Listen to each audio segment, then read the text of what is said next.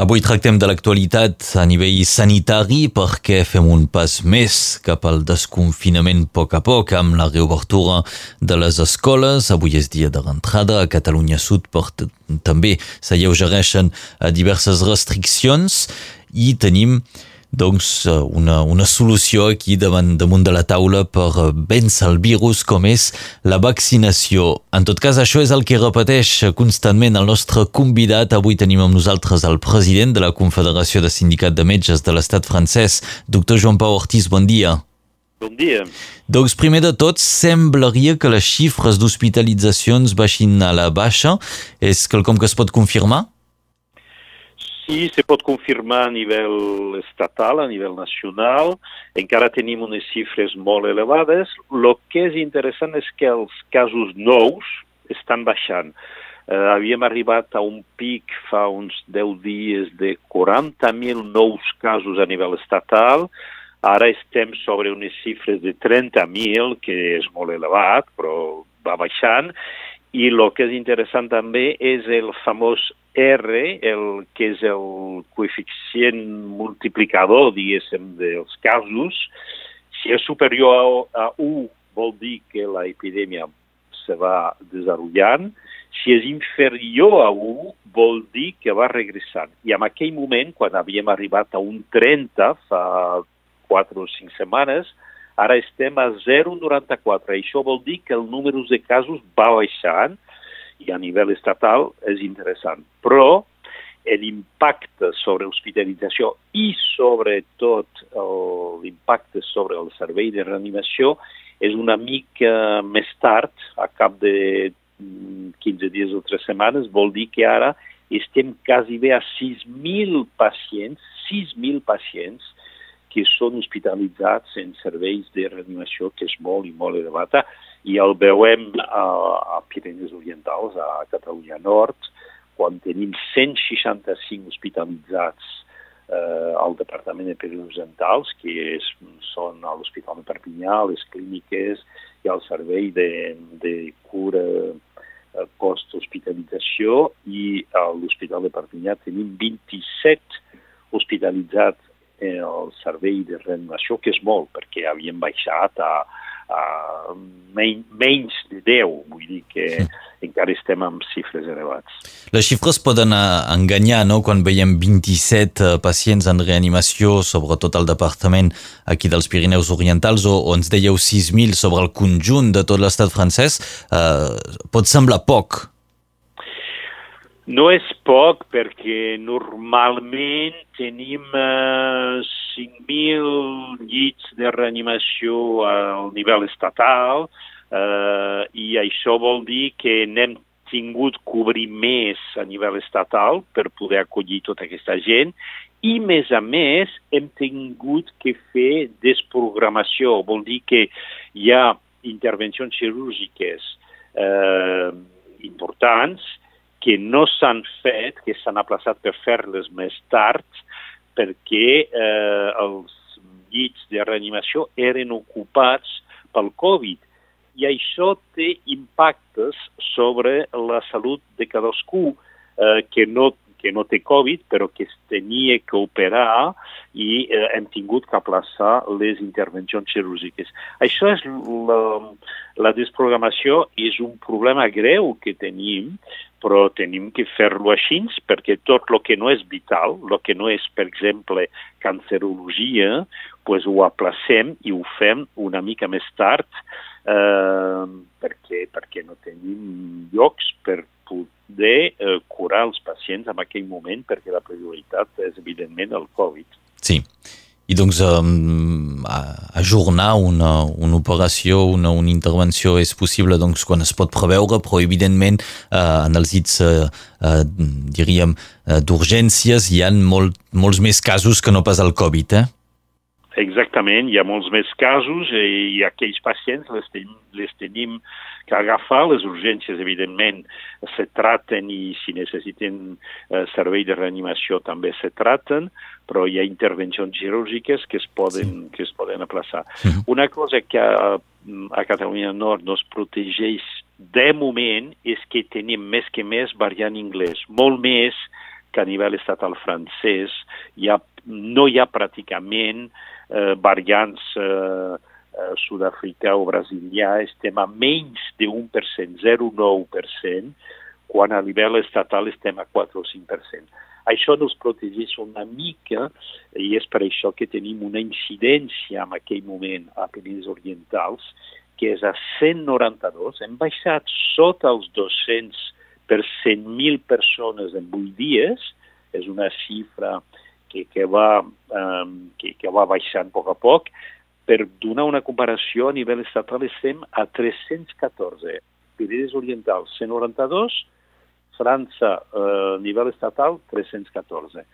En tenim menys que, en d'altres llocs, evidentment, però encara estem a nivell elevats.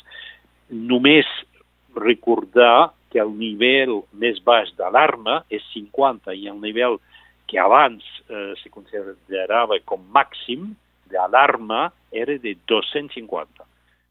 Eh, acabem de baixar sota aquell nivell d'alarma sí. orientals a Catalunya Nord. Mm -hmm. Parlem avui amb el president de la Confederació de Sindicat de Metges de l'Estat francès, doctor Joan Pau Ortiz. No us canseu de, de repetir eh, que la vaccinació és clau per superar la malaltia, però avui hi ha molt debat al voltant de tots aquests vaccins, si un és millor que l'altre, si eh, alguns vaccins podrien acabar sent perillosos per la salut. Hi ha vaccins que donen més seguretat que altres?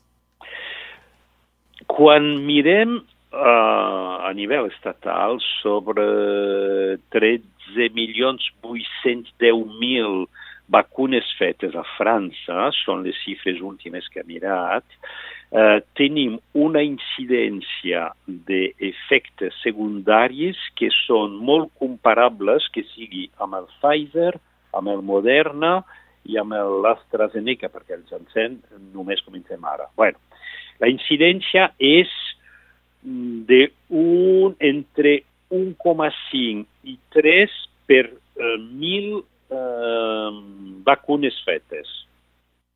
Dos per mil, per dir-lo més fàcilment. Sí. D'aquells dos per mil, cada tres efectes secundaris, de, quatre efectes secundaris declarats, són benignes, que són una mica de dolor, una mica de febre, una mica de cansament que dura 24 o 48 hores. Això vol dir que efectes secundaris que siguin una mica més greus, diguéssim, són sota de un per mil. Un per mil. Quan el risc amb, el, amb la Covid-19 és molt i molt elevat de ser hospitalitzat, de tenir el que ara diguem Covid long, que és el Covid llarg, amb conseqüències a cap de 3-4 mesos, gent cansada que no es pot aixecar de cansament que tenen, etc. i gent, desgraciadament, que passen al servei de reanimació i que es moren. 100.000 morts tenim a França, eh? És molt, eh? Bueno, quan mirem els efectes secundaris de, ara se'n parla molt, trombosis, tromboflebitis, etc. Estem amb una incidència que és molt comparable Ara, amb l'AstraZeneca hi ha hagut uns casos molt i molt raros de, eh, trombo, de trombosis cerebrals, però n'hem tingut a nivell estatal 11 només sobre una quantitat de quasi bé 3 milions de vacunes.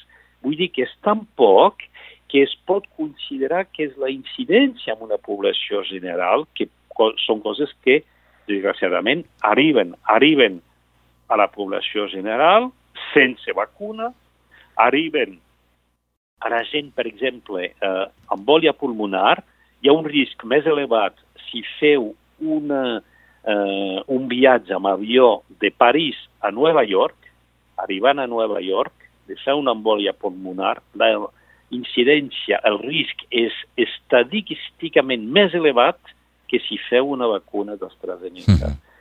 I, per exemple, per les dones, el risc amb la, amb la píldora, amb l'estró progestatiu, és entre 10 i 100 vegades més elevat de fer una tromboflebetis que amb la vacuna AstraZeneca. Amb la pastilla, eh? Amb la pastilla, sí. exactament. Sí. Això vol dir que hi ha coses que no, no acabes d'entendre per què la gent reacciona així, perquè la vacuna és l'única salvació que tenim. Eh, no, no podem continuar a viure així eh, sense mm, tornar a tenir a Catalunya Nord els bars i els restaurants oberts, tornar a viatjar amb una mica més de llibertat. Vull dir que eh, portar la, la mascareta i eh, rentar-se les mans, això continuarà mesos i mesos, però obrir una mica la vida quotidiana és indispensable i això passa per una, una vaccinació massiva. Si no arribem a, a 70% de la població vacunada, no, no podrem sortir del problema ara. 70%? És el, és el mínim? Mínim, és, el mínim, és en, en plan epidemiom, epidemiològic per poder eh, sortir amb més tranquil·litat de les mesures actuals. Perquè eh, quan tindrem 70% de la població vacunada, eh, el virus quasi bé circularà molt i molt i molt poquet. Continuarà a circular als 30% que no són vacunats, però eh, tindrem molt menys hospitalització. A més, una, una cosa, la gent de més de 80 anys ara són vacunats. Quasi bé gent de més de 80 anys no en tenim a hospitalització. No n'hi ha que arriben del Covid. Això vol dir que mm, s'està demostrant que la vacuna eh, contra el Covid és molt eficaç, molt eficaç. Cadascú ho té que pensar, cadascú eh, se fa vacunes que ara són obligatoris, per exemple, pels nens per protegir-les, i, i això és el mateix. No, no es tenim que protegir amb la vacuna que és l'única solució és la vaccinació massiva. Sí. Això és el que se'n diu la immunitat col·lectiva? Sí, exactament. Arribar a 70% és el mínim per tenir una immunitat col·lectiva. Els més pessimistes, que jo no sóc dels més pessimistes, els metges més pessimistes diuen que amb els variants tindríem que arribar a 80% com mínim. He mirat una mica les coses, jo penso que amb 70% estaríem molt i molt bé se sent gent que diu jo sóc jove, sóc en plena forma, eh, el virus no em fa por, no em vull fer vaccinar, serien aquests 30% altres, si hi ha 70% que es fan vaccinar i que creen aquesta immunitat col·lectiva. Què passaria pels 30% restant? Aquests tindrien molt poques possibilitats de, de ser malalts? Aquells tindrien encara possibilitat de ser malalts amb, el, amb la Covid, però vull dir als jovens que ara diuen no, jo sóc jove i el Covid no em fa por, només les vull dir coses. És molt més raro, però ara tenim casos greus als serveis de reanimació d'edat molt més baixa. Abans les teníem de 70, entre 70 i 80 anys. Ara l'edat mitjana ha baixat de dos o tres anys, estem sobre uns 60 anys, hi ha serveis de reanimació que tenen malalts d'uns 40 anys, 45 anys, i no un, molts. Això vol dir que també hi ha casos greus uh, als jovens. Són raros, però les seqüeles als, mm, als jovens són molt importants i tenim exemples de gent molt deportiva. Tinc uh, en, en memòria una maratoniana uh, que ha 28 o 29, una campiona de marató que ha fet un Covid i per fer 100 metres quasi bé eh, necessita oxigen. Vull dir que són casos raros però que són molt greus. Els jovens també se tenen que fer la vaccinació perquè és molt important també per ells. Aquest és el missatge per assolir aquest 70% de, de, de, de població eh, vaccinada actualment a Catalunya. I arribarem a poc a poc, i arribarem a poc a poc perquè no es falta vacunes i estem baixant les edats a poc a poc. Quan podeu accedir a la vacuna, el, el moment que diuen a partir de tal edat podeu fer vacuna, feu la vacuna, que és la nostra salvació col·lectiva. Mm -hmm. Es pensa de moment que a Catalunya Nord estem al voltant del 25%, eh? un quart de la població que hauria tingut almenys la primera injecció. Exactament, 25% és poc, però ja comença a tenir una mica incidència de, sobre l'hospitalització de la gent més gran i espero que continuarem pujant ràpidament. Normalment, ara, a partir de final d'abril i maig i juny, tindrem entre 3 i 4 vegades més vacunes eh, disponibles per tota la població i anirem baixant les edats. Esperem que eh, el 60% de, de la població adults a final de juny serà vacunada. Això, això esperem. No sé si arribarem, però finals de juny, mig eh, juliol, eh, normalment tindríem que ser sobre un 60% de la població. Doctor Joan Pau Ortiz, president de la Confederació de Sindicat de Metges de l'Estat francès, moltes gràcies per totes aquestes informacions i xifres que nos heu portat per intentar veure i més clar sobre la situació actual. Moltes gràcies i encara que sigueu vacunats, continueu de moment a protegir-vos i continueu les mesures de protecció perquè tenim que arribar a guanyar contra aquesta epidèmia que nos està fastidiant a tothom. El missatge ha passat. Moltes gràcies i bon dia.